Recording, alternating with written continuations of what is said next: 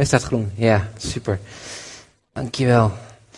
Nou, geniet jullie ook zo lekker van het zomers weertje? Ja? Wees blij dat je niet in Tokio woont of zo, want dat is helemaal erg daar. Maar uh, het wordt nog lekker warm deze week, hè? Ja, lekker vakantie vieren. Voor niet meer naar Spanje of Indonesië, komt gewoon hier. Genieten. Uh, ik vond, uh, ik uh, las een grappig verhaaltje van drie voorgangers die op een retraite waren. En um, die gingen samen vissen. En uh, de ene broeder zegt tegen de, andere, tegen de andere twee in de boot: van, Nou, weet je, nu zijn we eindelijk met elkaar samen. Dan kunnen we ook echt uh, iets ja, meer delen van ons hart. Want ja, als, als leider kan je niet altijd uh, ja, eerlijk zijn over waar je bent en wie je bent en waar je nou mee worstelt. Zo zijn er dingen in ons leven die, waar we mee worstelen. En kunnen we misschien echt eerlijk zijn naar elkaar. En dat we ook daarvoor elkaar kunnen bidden. Dus die, uh, dus die drie voorgangers van ja, goed idee. Dus ze besloten om dan een van de grootste dingen in hun leven waar ze mee worstelen, om dat dan met elkaar te gaan delen.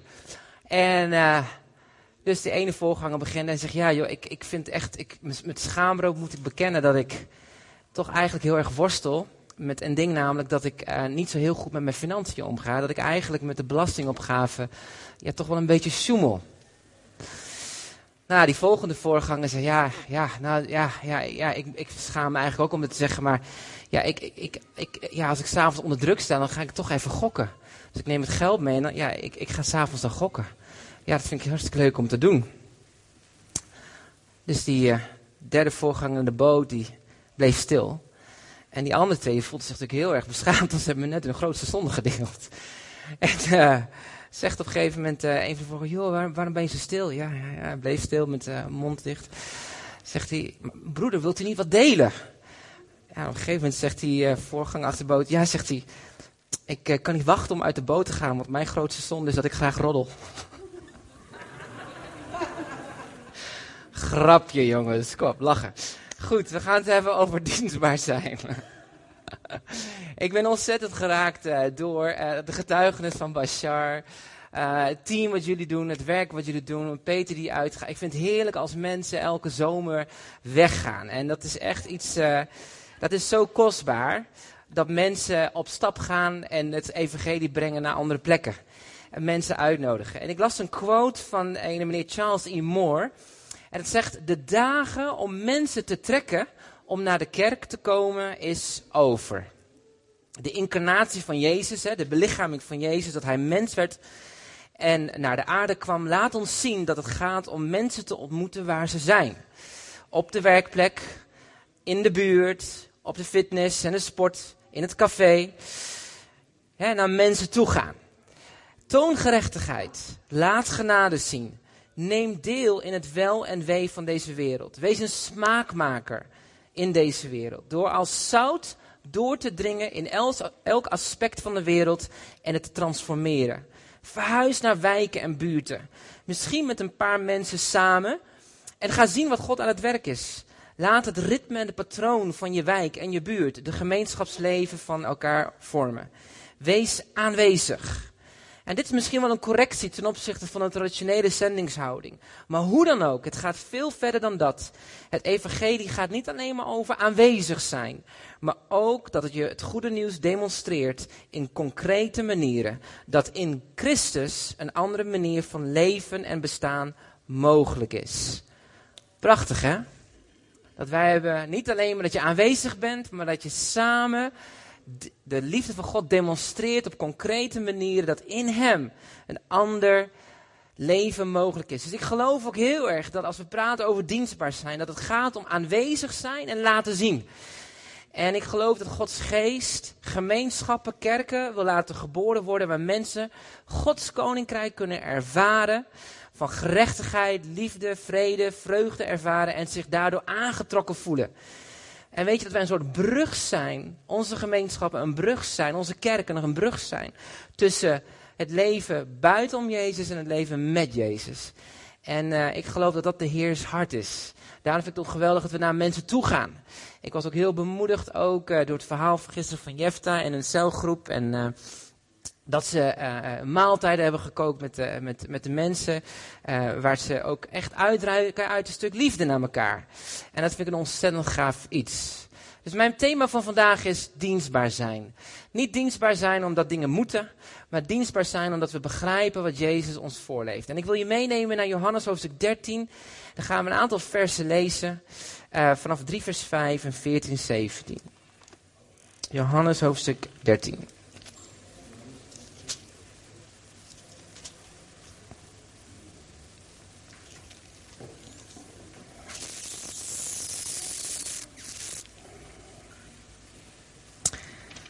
En we zien Jezus zich aan voorbereiden voor ja, de laatste momenten samen met zijn team, met zijn, zijn discipelen. Waarin Jezus de laatste dingen aan, als het ware, aan, zijn discipelen doorgeeft. En dan lezen we in vers 3. En toen stond Jezus, die wist dat de Vader hem alle dingen in de handen had gegeven. En dat hij van God uitgegaan was en tot God heen zou gaan. Op van de maaltijd. Hij legde zijn kleren af, nam een linnen doek en deed die om zijn middel. En dan gaan we even door. Daarna goot hij water in de waskom en begon de voeten van de discipelen te wassen en af te drogen met de linnen doek die hij om zijn middel had. Dan gaan we vers 14 pakken we erbij. Als ik dan de Heer en Meester uw voeten gewassen heb, zegt Jezus, zo moet u ook elkaars voeten wassen. Want ik heb u een voorbeeld gegeven, opdat ook u zult doen zoals ik voor u heb gedaan. Voorwaar, voorwaar, ik zeg u, een slaaf is niet meer dan zijn Heer. En een gezant is niet meer dan hem die gezonden heeft. Als u deze dingen weet, dan ben je zalig als je ze ook doet. Jezus laat hier als het ware iets achter aan zijn discipelen. Het laatste wat Jezus deed, het laatste onderwijs wat Jezus gaf voordat hij aan het kruis ging, liet iets zien van de innerlijke motivatie van Jezus. Namelijk dat Jezus eigenlijk aan ons wilde leren, aan zijn discipelen wilde leren van, joh, je dient een hoger doel in je leven. Het dienen van God door een ander te dienen. Ben je bereid, ben je groot genoeg om jezelf klein te kunnen maken voor een ander? Weet je, hier zien we een meester die groot genoeg was, die alle heerlijkheid kende in de hemel en zich mens maakte, hij werd mens, en zich zo klein maakte dat hij de ander diende door de voeten te wassen van een ander. Nou was natuurlijk een gebruik, hè, wanneer je in die tijd gewoon op Jesus Night rondloopt, hè, liep in het stof en zand, dat je gewoon altijd voordat je de maaltijd ging, even je, je schoenen en je voeten ging wassen. Ik denk dat mijn zoon en mijn kinderen af en toe nog wel even moeten leren, dat ze een beetje hun voeten moeten wassen. Um, maar je voeten wassen, dat is een heel, heel, ook een best wel intiem iets. Maar het, het feit dat je dus een andere voeten gaat wassen, dat is iets heel moois. Het is niet alleen maar een heel geestelijk iets, maar het is gewoon ook een, een dienstbare houding. Het gaat er niet om of je een meester bent of een leerling. Het gaat niet om of je vader bent of een zoon. Het gaat niet om of je werkgever bent of werknemer. Of je een hoog inkomen hebt of een laag inkomen hebt. Of je HBO afgestudeerd bent of MBO of universiteit. Of je al twintig jaar met God wandelt of pas twee weken of je leider bent of dat je medewerker bent, als je een kind van God bent, een discipel van Jezus, ben je dan groot genoeg om jezelf klein te kunnen maken voor de ander. Ik heb ontdekt dat egocentrische mensen niet willen dienen. Dat ze dat lastig vinden. Maar dat ze graag gediend willen worden. En vaak hebben deze mensen ook heel veel kritiek op de manier waarop anderen dan wel dienstbaar zijn. Heb je dat ook ontdekt? Hebben vaak meer kritiek op de ander hoe een ander dient. Maar het koninkrijk van God opereert niet zo. Weet je, in Gods koninkrijk kan je niet vasthouden aan je eigen agenda. Kan je niet vasthouden aan de dingen die jou jou maken. Jezus legde zijn kleed af. Je zult als het ware, als je God wil dienen, ook je kleed moeten afleggen. Datgene wat je positie geeft. Datgene wat je autoriteit geeft. Datgene wat jouw ervaring is. Je idee, je visie, je mening. Welk doel dienen wij? Um, ik denk in de wereld leert een ander soort vorm van dienstbaarheid. Is dat je namelijk gediend wordt. En op die manier dan ook kan dienen. Maar Jezus laat zien. Hij legde zijn heerlijkheid af. Wat missen mensen als je er niet bent? Wat zouden ze missen? Heel vaak zeggen we nee, je moet je onmisbaar maken. Ik geloof er echt niet in. Laat jezelf misbaar zijn. Want in de wijze waarop jij mensen dient, laat je Jezus zien. God dienen. Laten we even daar dieper over nadenken. De Bijbel spreekt een aantal teksten, en het, vanwege de tijd ga ik ze niet allemaal aanhalen, maar een aantal teksten over dienstbaarheid. En Jozua 24 vers 4, die spreekt over dat God zegt van dien God en luister naar hem. 1 Samuel 24 zegt dien God met heel je hart. 1 Petrus 4 zegt dien elkaar met je gaven vanuit de kracht van God. En Efesië 6 en 7 zegt, dien ook je meester. Nou, we hebben vandaag geen meesters, van de context staat daar slaven. Slaven dien je meester. We, hebben geen, we, hebben geen, wij zijn geen slaven hier in Nederland. We hebben wel meesters. We hebben wel werkgevers. We hebben wel mensen die boven ons staan. We hebben verantwoordelijkheid naar af moeten leggen. Dien dan ook degene die boven je staat. Dien met, met heel je hart staat daar als voor de Heer. En ik geloof dat dit een opdracht is aan ons allemaal dat we dienstbaar zijn. Ik las net nog tijdens de worship een tekst, vond ik zo'n heel mooie. De, in 1 Korinthe 15 eh, vers 58. Daarom, mijn geliefde broeders en zusters, wees standvastig, onwankelbaar, altijd overvloedig in het werk van de Heer. In de wetenschap dat je inspanning niet voor niets is. Dient. Stap uit. Ga bewegen. Ga delen. Zo belangrijk. Maar weet je, veel mensen doen alleen maar wat van hen gevraagd wordt en vaak niet meer. En dat is een teken wat ik zou noemen van een graaigeest. Ken je een graaigeest? Een graaigeest is dat ik doe wel iets als ik er maar iets voor terugkrijg. Ik geef wel als het mij ook iets oplevert. En als het mij niets oplevert, ja, dan doe ik het niet meer. Is het niet nodig. Het is een teken van een graaigeest. Wat haal ik eruit?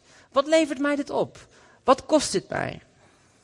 Maar je moet je realiseren dat het is God die jou geplaatst heeft in de, fase, in de facetten van jouw leven, in de, in de plek van je leven, om daar dienstbaar te zijn.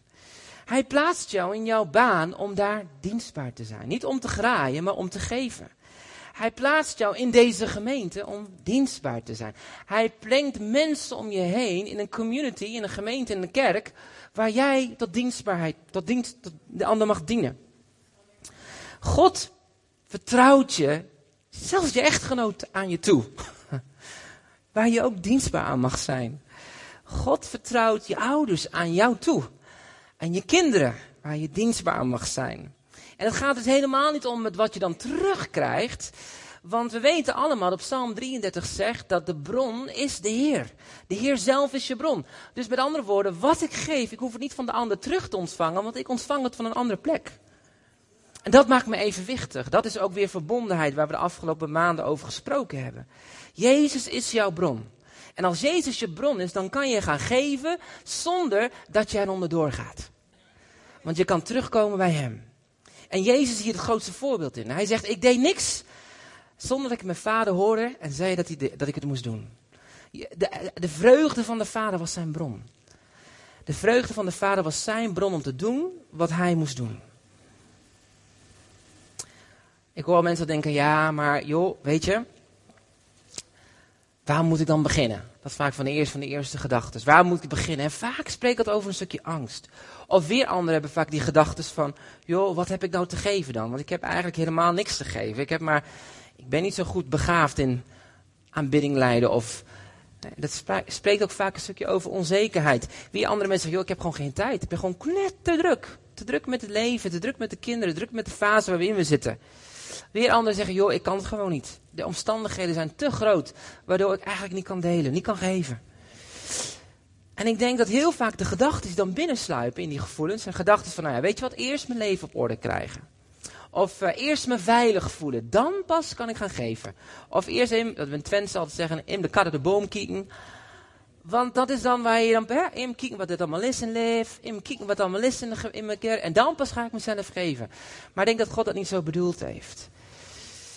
Ik hoorde laatst een mooi stelletje die zei: Ja, nee, we, zijn, uh, we, zijn nu, we, we, we, stoppen met dienen, want we gaan eerst jaar focussen op ons huwelijk.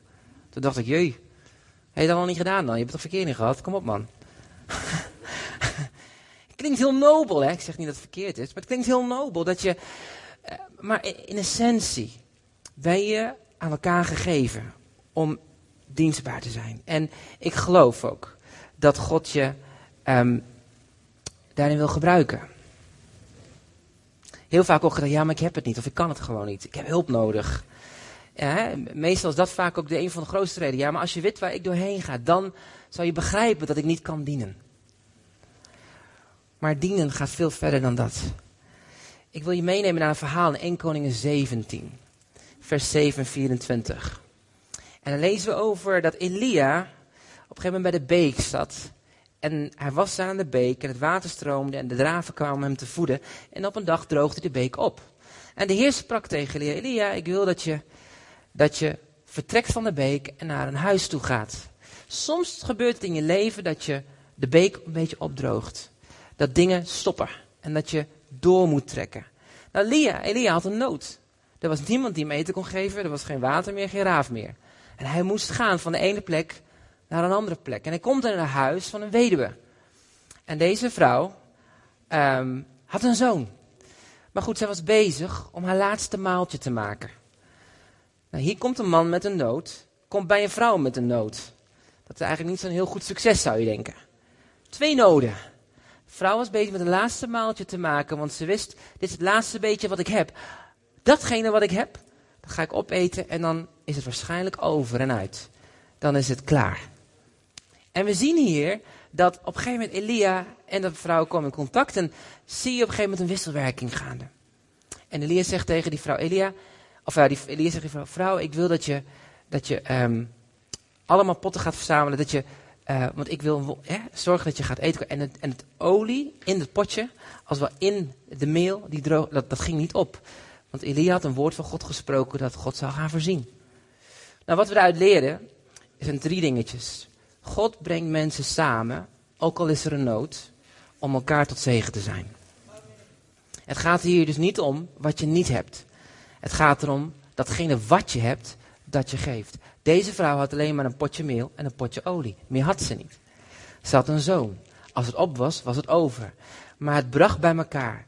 En waar spreekt het hier veel meer over? Het spreekt hier veel meer over vertrouwen. Er gaat er over vertrouwen.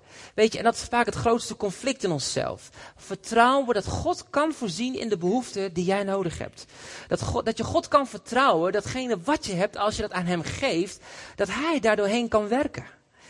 Weet je, we lezen een soortgelijk verhaal in 2 Koningen 4. Dan zien we Elisa, die gaat naar een weduwe toe met twee zonen. Ook een situatie waarbij olie opraakte. En deze vrouw was bang. Deze had schulden, haar man had schulden gemaakt. Die man was overleden, zij was alleen. En deze twee jongens zouden dan verkocht worden als slaven. En het enige wat ze had was een beetje olie. En, en Elisa zei van, kom, Ren, pak alle kruiken die je kan vinden en giet olie. Giet olie, giet zoveel mogelijk olie in die kruikjes. En die kruikjes werden ze, daarmee kon ze haar schulden betalen. En wat spreekt het over? Het spreekt over gehoorzaamheid. Als God een woord in je leven geeft, als God iets op je hart legt om te doen, ongeacht hoe groot je eigen nood is, maar je stapt erin uit om dat te geven, zul je zien dat God altijd komt met een andere voorziening. Zo sprak ik laatst een vriend van mij. We waren samen in een conferentie. En hij kreeg op zijn hart om, um, om een ander, iemand tijdens de worship kreeg hij gedachte dat hij, hij had nog, oh, ik zal even verhaal terug Hij had 100 euro nog over. Dat was zijn vakantiegeld. Dat had hij gespaard en hij dacht, weet je wat, ik ga het gebruiken voor de vakantie. Tijdens de worship kreeg hij gedachte, ik moet die 100 euro geven aan deze mensen. Maar hij dacht, ja, dat is misschien mijn eigen gedachte. Dus hij duwt hem weg. Maar kwam weer terug, ik moet die 100 euro geven aan deze mensen. Maar ik dacht, ja, maar ik heb dan niks meer over voor mijn vakantie. Wat hou ik dan nog over? Wat heb ik dan? Hij gaf het weg. die gedachten stuurde hij weg. Misschien dacht hij misschien wel van Satan. Weg Satan, in de naam van Jezus. Uiteindelijk, in zijn hart, begon het zo te botsen. Hij dacht, ja, ik denk dat ik het gewoon moet geven. Dus hij gaf zijn 100 euro, zijn laatste vakantiegeld, gaf hij weg. Gaf het weg. Hij voelde zich blij. Hij had gegeven. Hij dacht, nou hier, daar gaat mijn vakantiegeld. Het is prima zo. Gooit het weg. Mooi is, hij ging op vakantie.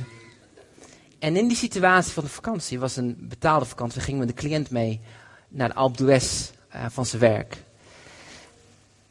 Kregen ze een creditcard mee van zijn werkgever. Dat kostte nog moeite, mochten ze alles gebruiken op de creditcard wat ze nodig hadden en lekker mogen genieten van die weekvakantie in de Alpe d'Huez. You know? Hij had een nood. Hij ging met een cliënt mee die graag mee wilde gaan naar Alpe d'Huez. Hij ging mee, maar gaf zijn 100 euro weg. Speciaal voor gespaard. En God draaide het om tot zegen. Ik geloof dat gehoorzaamheid zet wonderen vrij. Ken je het verhaal van die jongen, de vijf broden, twee visjes? Gehoorzaamheid zet wonderen vrij. Wanneer we gehoorzaam zijn, dan zet het wonderen vrij. Ik vind het zo mooi dat God niet kijkt naar de nood die we hebben. God kijkt naar wat je hebt in je handen. En als je dat geeft aan je Heer, dat wat je wel hebt, dan gaat God daar een wonder doorheen geven. En ik denk dat er meerdere onder ons zijn die dit soort getuigenissen hebben. Dat je weet, dat als ik het geef aan God, dan gaat God daarmee verder. Ik vind zo'n mooie quote van moeder Teresa. Een tiener die op weg ging, had geen geld. Niemand wilde haar hebben. Ze werd gewoon een non, ze wilde tot zegen zijn. Ze ging naar India. En later was ze de meest, ja, het boegbeeld van dienstbaarheid. En zij schrijft dit. Ik ben niets. Ik ben slechts een instrument. Een dun potlood in de hand van de Heer. Waarmee Hij schrijft wat Hem aanstaat. Hoe onvolmaakt wij ook mogen zijn. Hij schrijft altijd mooi. Kijk niet wat je niet hebt. Kijk niet naar wat in je leven niet op orde is. Kijk niet naar de dingen die soms zwaar zijn.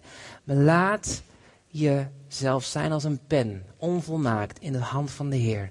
Zodat Hij kan schrijven, leven in de levens van mensen om je heen. Ik wil besluiten met Matthäus hoofdstuk 10. Nog twee slides. Matthäus 10 zegt, Jezus riep de discipelen tot zich. Gaf een autoriteit en zond hen uit. Matthäus 28 zegt het ook. Jezus ontmoette de discipelen, gaf een autoriteit en een opdracht en zond hen uit. Ik vind het zo mooi, dat het proces van tot de Heer komen, bij Hem komen, in relatie met Hem staan. Dan word je bekrachtigd vanuit de geest. Je krijgt autoriteit en dan word je uitgezonden. En dat is een heel diepteproces. Ik geloof, het spreekt over een balans. Dat als je weet dat je eerst bij Hem komt en je daar voedt en vult, dan is het zendingsopdracht, die opdracht om dienstbaar te zijn, nooit te veel. Dan blijft het in balans. Raak je ook niet overwerkt, raak je ook niet gestrest. Maar bij Hem komen is ook dat je leert dat je ook weet dat er een opdracht is. Zonder bij Hem te komen kan je niet uitgaan. En zonder uitgaan kan je niet bij Hem komen. Het is ook bij elkaar, het is een balans. Maar het begint heel eenvoudig bij een prioriteitencheck. Hoe is je relatie met Hem? Ik kom er vaak achter als ik moe ben en gestrest ben, dat dat een van de eerste struikelblokken is, dat dat stukje niet op orde is. Weer bij Hem komen. En ik mag gaan realiseren dat God mijn eerste plek gegeven heeft om dienstbaar te zijn, is mijn gezin. Daar ben ik niet altijd heel goed in. Ik heb vaak uh, nu vier slaafjes, die helpen dan bij ons thuis. nee, een grapje. En de vijfde is op komst. Ja. Ja. Je kunt wel zien aan het buikje straks. Um, maar God plaatst je in een gezin om dienstbaar te zijn aan elkaar. Maar God plaatst je ook in de gemeente om dienstbaar te zijn aan de gemeente en aan elkaar. Ik, uh, heb, uh, ik ben zo onder de indruk en zo bevoorrecht om met mensen te werken in, uh, die zich inzetten in het kindertien jeugdwerk. Ik geloof dat een van de um, grootste voorrechten die een gemeente heeft, is om door te geven aan de volgende generatie wie Jezus is. Ik geloof dat elk kind het recht heeft om Jezus te leren kennen, Hem te vertrouwen, um, Hem lief te hebben en Hem gehoorzaam te zijn. Ik geloof dat dat een van de belangrijkste dingen is. En ik ben ontzettend dankbaar voor de mensen die meewerken in Leefkids. Maar we hebben ook daar wel nodig. In de zin dat we gewoon echt mensen nodig hebben. En ik geloof dat de gemeente is niet gezond als we niet beseffen dat die opdracht gegeven aan ons als gemeente is om te investeren in de volgende generatie. De Bijbel spreekt zo duidelijk in Psalm 78 en zoveel teksten meer dat het onze taak is om de wonderen te vertellen aan, de, aan elkaar. Dienstbaar zijn. Dienstbaar zijn aan de volgende generatie. Niet alleen maar aan de volgende generatie, maar ook dienstbaar zijn aan de oudere generatie. En de Bijbel zegt ook in handelingen dienstbaar zijn in je eigen generatie. David diende Gods wil in zijn generatie.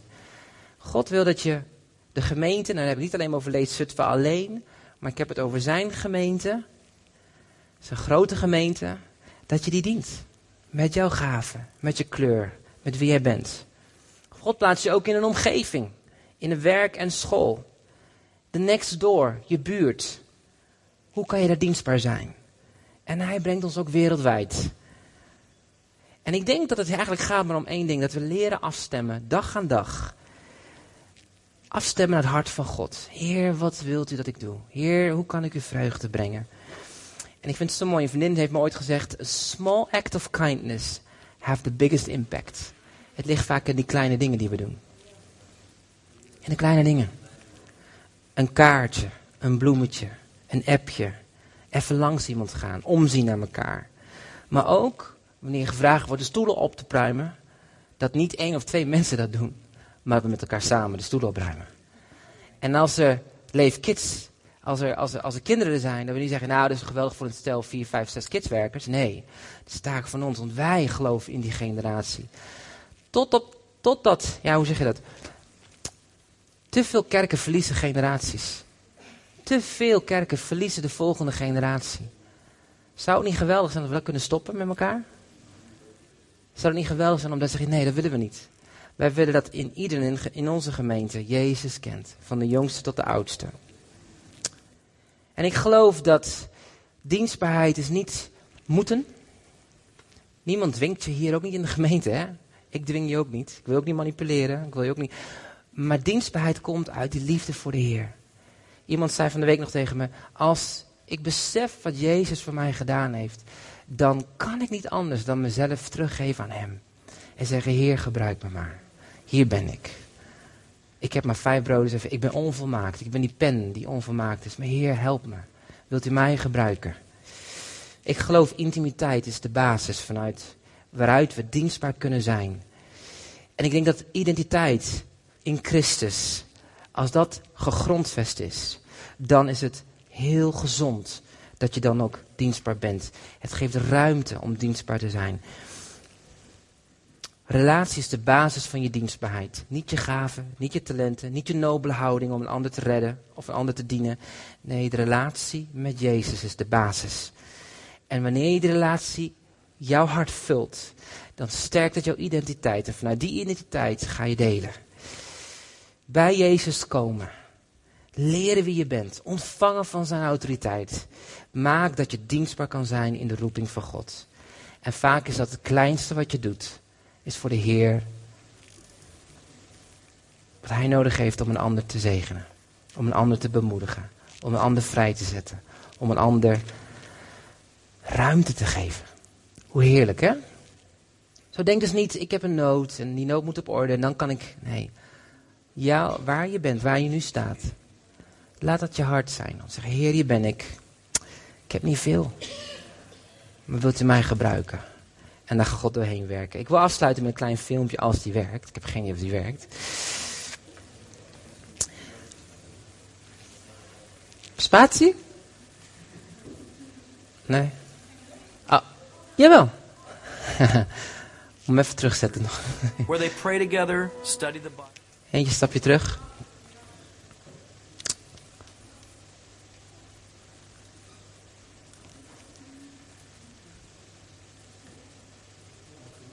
Is een mooi filmpje, ja.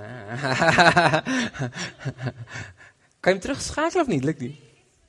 Oh ja, goed. Kijk, oké. Okay, ja, daar komt hij. Yay. Many Christians get together regularly in what they call small groups, where they pray together, study the Bible, encourage one another, and sometimes have a meal together. This is a good thing.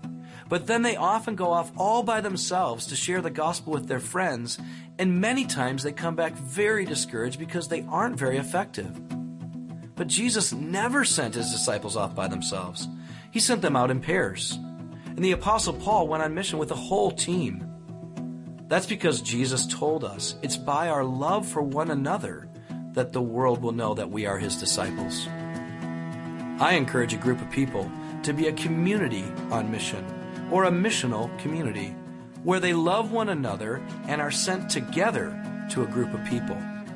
We want this group to see this community of people loving one another because it's by our love for one another that they'll be able to see that the gospel changes us. This could look a number of different ways. It could be a party that we throw and invite some of our friends to attend. It could also be a few of us going to a party that others throw it could be us inviting some people we know to come serve others with us so that they can see our love in action. Either way, we want to get people who love Jesus to love one another in the midst of a group of people who don't know the love of Jesus. Jesus' intent is for us to be a community on mission, not a bunch of individuals.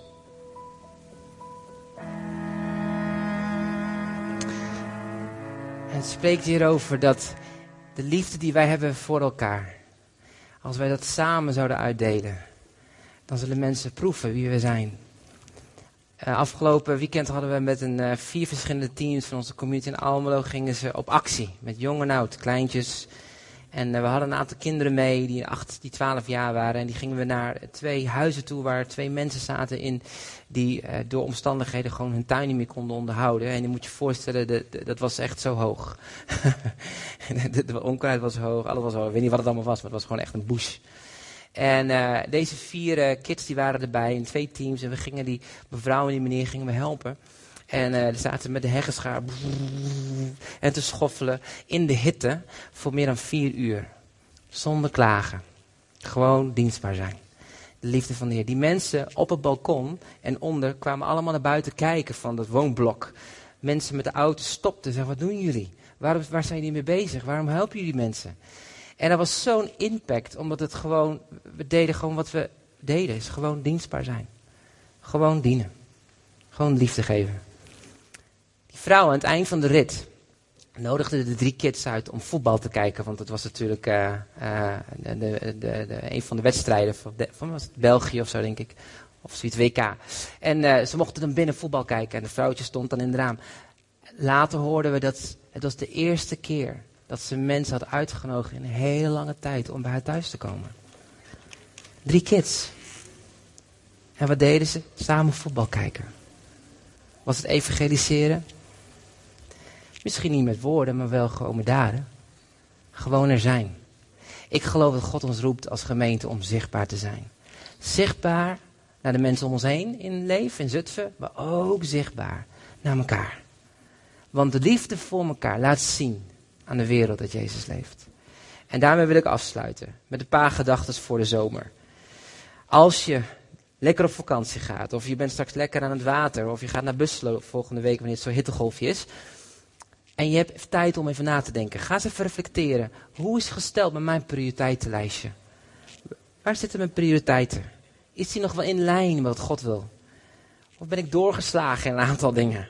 ben ik misschien wel te druk met mijn leven. Eigenlijk te weinig investeren in Gods werk. Hoe is gesteld met mijn relaties thuis? Hoe en waarin ben ik dienstbaar? En hoe en mag ik God dienen voor het nieuwe seizoen? Want september komen we terug. Dan starten we een nieuw seizoen. Natuurlijk wil niet rennen met allerlei programma's in de kerk. Maar we willen genieten met elkaar samen. En ik geloof, hoe meer mensen we samen dienstbaar zijn met jouw gaven en talenten, dan is het alleen maar gezellig en leuk. Dat is echt zo dan gaat God daar doorheen werken. Amen? Laten we gaan bidden. Vader, dank u wel. Dank u, Jezus, dat u ons uw grootste nalatenschap gaf door een simpel beeld als de voetwassing. Een beeld dat u de mens wilde dienen. Of u de Vader wilde dienen door de mens te dienen. U kwam naar de aarde als een dienstknecht. En Heer, u liet een voorbeeld achter aan ons allemaal. Wie de grootste wil zijn, moet de minste zijn. En Heer, ik dank u wel dat u ons kent. U weet precies waar we hebben, waar onze noden zitten. Maar ik dank u ook, Heer, dat u zelf dat kleine beetje wat we hebben, onze vragen, onze twijfels, dat u die kan gebruiken tot zegen voor een ander. U vraagt geen volkomen christen of perfecte christenen. Nee, want u bent een volkomen God. U bent een God die perfect is. Zo, u hebt dat niet nodig. Maar u vraagt een gewillig hart. U vraagt bereidwilligheid. En hier als we zo voor de zomer staan en denken, oh lekker vakantie en even lekker relaxen en even helemaal voor mezelf. Dat zelfs in onze vakantiemomenten, dat we zullen zeggen, Heer, ik wil opmerkzaam zijn voor uw zachte stem. Wie laat u, brengt u op mijn pad? Wie mag ik bemoedigen? Wie mag ik zegenen? Voor wie mag ik bidden? Voor wie mag ik tot ondersteuning zijn? En ik dank u wel, Heer, dat in de gemeente zoveel onderling ook al gebeurt. Dat mensen naar elkaar omzien. Dat mensen elkaar bemoedigen. Heer, mag dat meer worden. Dat het zo'n getuigenis zal zijn. Dat de liefde die we hebben voor u zichtbaar is in de liefde voor elkaar. En dat de wereld zal zien wie u bent door onze liefde. In Jezus' naam. Amen.